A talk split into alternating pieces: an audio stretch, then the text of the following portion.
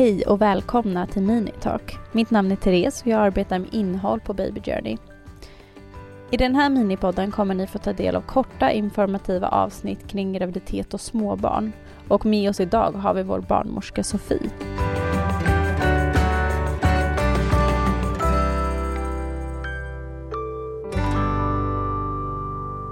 I dagens avsnitt ska vi prata om bäckenbottenrelaterad smärta som även kallas för foglossning.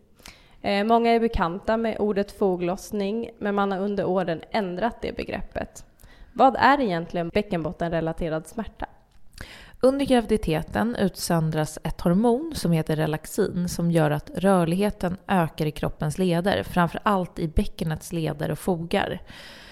Det sker för att bäckenet ska bli mer rörligt och kunna vidga sig eh, för att barnet ska kunna födas. Man tror att den gravida får ont av att bäckenet blir mindre stabilt när magen växer och att den gravida får en annorlunda kroppshållning. Okej. Och hur märker man att man har drabbats? Om du drabbas så kommer du att känna att du får ont i till exempel blygdbenet, höfterna, svårare att böja och vrida kroppen. Finns det någonting man kan göra åt det för att minska smärtan?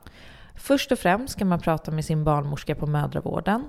Det finns bälten man kan ha för att stabilisera bäckenet. Man kan få låna något som heter en TENS-apparat eh, via mödravården och man kan få hjälp att få kontakt med en fysioterapeut. Eh, det är även viktigt att lyssna på kroppen, dra ner på tempot. Det är bra att röra på sig, men lagom mycket och undvika tunga lyft. Tack så mycket. Känns bäckenbottenrelaterad smärta likadant för alla? Nej, det kan variera väldigt mycket hur påverkad den gravida är av sin bäckensmärta.